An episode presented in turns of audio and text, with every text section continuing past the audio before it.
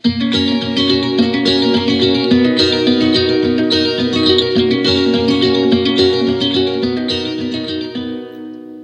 til Danske Bankers, podkasten for deg som vil vite hva som rører seg i markedet fra uke til uke. Mitt navn er Fredrik Ask Stensrud, og i dag er det 18. mai, dagen etter den store dagen. Med oss i dag så har vi vår sjefstrateg eh, Christian Lie. Velkommen, Christian. Takk for det, Fredrik. Jeg lurer på en sak. Altså, Enten så har mitt headset blitt mindre, eller så har mitt hode blitt større.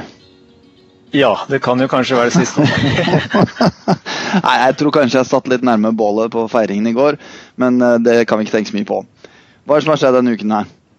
Eh, de tre viktigste tingene er kanskje at eh, USA fremstår mer og mer som en verdensøkonomisk kretsmester, med tanke på at tallene for USA er, har vært veldig gode, mens vi har sett en del mindre gode tall andre steder. Norge er på vei mot sin første renteheving siden 2011, med utgangspunkt i vekst i, på linje med det Norges Bank har sett for seg. Og sist, men ikke minst, så er alt som det pleier i uh, italiensk politikk, nemlig ganske rotete, men med utsikter til en ny regjering på plass.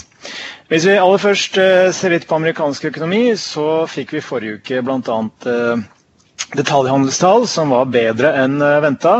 Og det som er så viktig med disse tallene, er at de er en god indikator på det private forbruket. og når disse tallene er såpass gode nå, så peker det i retning av at uh, husholdningene i USA de utnytter nå muligheten til å bruke det de har tjent på skattelettene, til å stimulere amerikansk økonomi gjennom privat forbruk. I tillegg så, så vi sterkere enn venta eh, industriproduksjon også i USA. Og flere av de ledende eh, regionale indikatorene for industriaktivitet frem i tid eh, steg også mer enn eh, venta. Altså alt i alt en veldig god utvikling i amerikansk økonomi, både på husholdningssiden, men også på industrisiden. Det som også er bra med USA, det har jo vært eh, denne kvartalsrapporteringen eh, for første kvartal, hvor ikke bare selskapsinntjeningen steg med over 25 eh, fra første kvartal i fjor, men hvor også det er en veldig vilje til å øke investeringene i ny produksjonskapasitet, ny teknologi osv., som vi tror kan løfte amerikansk økonomi videre gjennom 2018. I forhold til norsk økonomi så var veksten i årets første kvartal Du får ikke gå så fort fram, da, vet du, Christian. Hvordan måler du økning i industriproduksjon? Ja, Det kan måles på forskjellige måter. Det kan måles eh, i forhold til eh, hvordan utviklingen i produksjonen er fra måned til måned, fra kvartal til kvartal, eller målt år på år. Eh, når det gjelder disse tallene, så ser vi gjerne på de korte periodene, f.eks. fra måned til måned. og Der har industri industriproduksjonen nå i USA økt tre måneder på rad. Så det må jo være bra, Fredrik. Hva er, det, hva er det en typisk indikasjon på? Det er en indikasjon på at eh, etterspørselen i eh, økonomien er eh, god. At industribedriftene må produsere stadig mer av de ferdige produktene eller innsatsfaktorer som andre underleverandører eller andre deler av økonomien har behov for. Og dette er et tegn på god økonomisk aktivitet, rett og slett. Takk skal du ha, Kristian. Da kan du gå videre til Norge. Ja, tusen takk. Eh, hva skjer i norsk økonomi? Jo, det som skjer er jo at vekstraten, hvis vi ser på fjerde kvartal i fjor og første kvartal i år, det er nå i tråd med det Norges Bank eh, har trodd at veksten skal være, og den er på ganske gode nivåer. Og Dermed så ligger det an til at eh, vi får, som Norges Bank selv uttrykker forventning om, en renteheving etter sommeren. Ergo så kan det komme en renteheving allerede i august. Og Det vil da faktisk være første gang Norges Bank hever styringsrenten siden 2011. Nedturen i oljesektoren er, ser ut til å være bak oss. Eh, denne frykten for et krakk i boligmarkedet har også eh, lagt seg, i og med at boligprisene har stabilisert seg. Og dette støttes jo nå ikke minst av uh, oljeprisen som stiger, i hvert fall for oljesektoren sin del, og også en arbeidsledighetsrate som har falt, og som vi tror kommer til å falle videre. Som bidrar til at folk flest har bedre forutsetninger for å betale eh, huslånene sine, og ikke minst for å støtte opp under utviklingen i boligprisene. Det som også har preget eh, markedet denne uken, her, er jo det som skjer i italiensk eh, politikk, hvor vi nå ser ut til å få en eh, koalisjonsregjering mellom den populistiske femstjernersbevegelsen og den mer høyreorienterte og eh, immigrasjonsfiendtlige Northern League, som jeg alltid må konsentrere meg for å uttale. Eh, og dette er jo den sammensetningen i italiensk politikk i en regjering som vi før valget i mars så på som det verst tenkelige utfallet.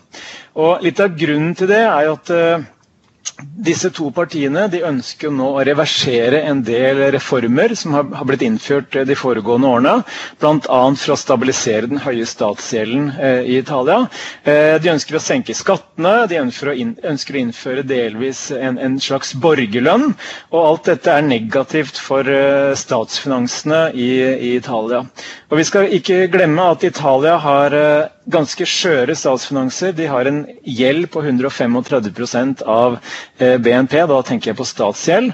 Og selv om vi ikke tror at dette skal liksom rulle ut og bli en ny europeisk gjeldskrise, så kan det likevel stikke kjepper i hjulene for eh, de planene som eh, Brussel og EU har for bl.a. Tette, tettere integrasjon innad i, i EU. Men uh, enn så lenge så har finansmarkedene tatt det relativt rolig. Vi har sett noe svakere euro, som også har blitt påvirket av dette her.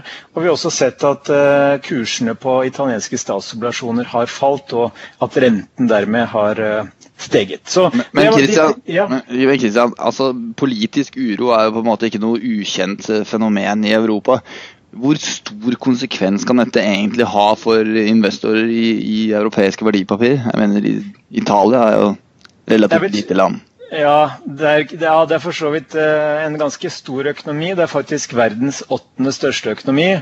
Eh, og litt av det Italia er kjent for, er jo at de har eh, et veldig urolig politisk landskap. Dette blir den 63. regjeringen siden 1945. Men Italia har hatt ganske god driv eh, i økonomien. De siste kvartalene har vekstraten i Italia faktisk vært på høyeste nivå siden før gjeldskrisen brøt ut for, for ordentlig i 2010-2011. Eh, men siden Italia har så stor gjeld, så er de avhengig av velvilje fra investorene. Hvis investorene ser at denne nye regjeringen uh, opptrer uansvarlig i forhold til statsfinansene eksempelvis, så vil de kunne selge italienske statsobligasjoner eh, i større grad enn det de har gjort så langt. Og det vil tvinge rentene opp. Det vil gjøre det dyrere for, for den italienske staten å eh, finansiere seg, og ikke minst betale eh, løpende gjeld. Og det vil kunne øke eh, risikoen for at dette kan gi negative smitteeffekter. Men det er ikke vårt hovedscenario i øyeblikket. OK, I stand corrected. Hva er det som skjer neste uke? Eh, egentlig ikke så veldig mye. Eh, ikke så veldig spennende uke med tanke på nøkkeltall. Eh, den amerikanske sentralbanken publiserer referatet fra sitt forrige rentemøte onsdag klokka to. Det er jo noe som mange følger med på i forhold til om det kan komme nye signaler rundt hva Fed tenker om fremtidig renteutvikling og ikke minst inflasjonsutvikling. På onsdag så får vi flere ledende indikatorer fra eurosonen, og de følger vi ekstra med på nå, fordi europeisk økonomi, eller eurosonen spesielt, har vært inne i en liten sånn bølgedal med tanke på økonomiske data nå i, i, i, de siste månedene.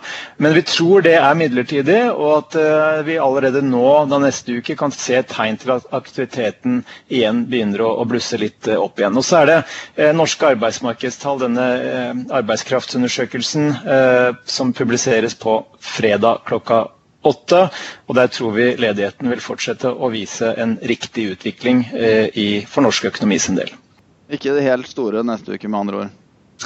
Nei, ikke det helt store. Men det som også ligger og, og vaker, er jo selvsagt denne, denne, disse forhandlingene mellom USA og Kina i forhold til handel. Eh, hvor det kommer eh, både tweets og nyheter på, på løpende bånd, ofte i mot, motstridende retning. Så det vil også helt klart kunne påvirke markedet dersom noe blusser opp eh, i, både i positiv eh, eller negativ retning. Veldig bra. Jeg eh, skal gi en kort oppsummering av de viktigste tingene for neste uke, men først så tar jeg eh, litt markedsbevegelser siste fem dager. OECDX opp 1% SMP 500 i statene opp 0,9 Eurostox 600 opp 1% og oljeprisen opp 3% Vi får Fed Minutes neste onsdag klokka to. Vi får ledende indikatorer fra eurosonen på onsdag klokka ti. Og vi får norske arbeidsmarkedstall på fredag klokken åtte. Det var eh, alt vi hadde i denne sendingen av Danske Bankers. Vi høres.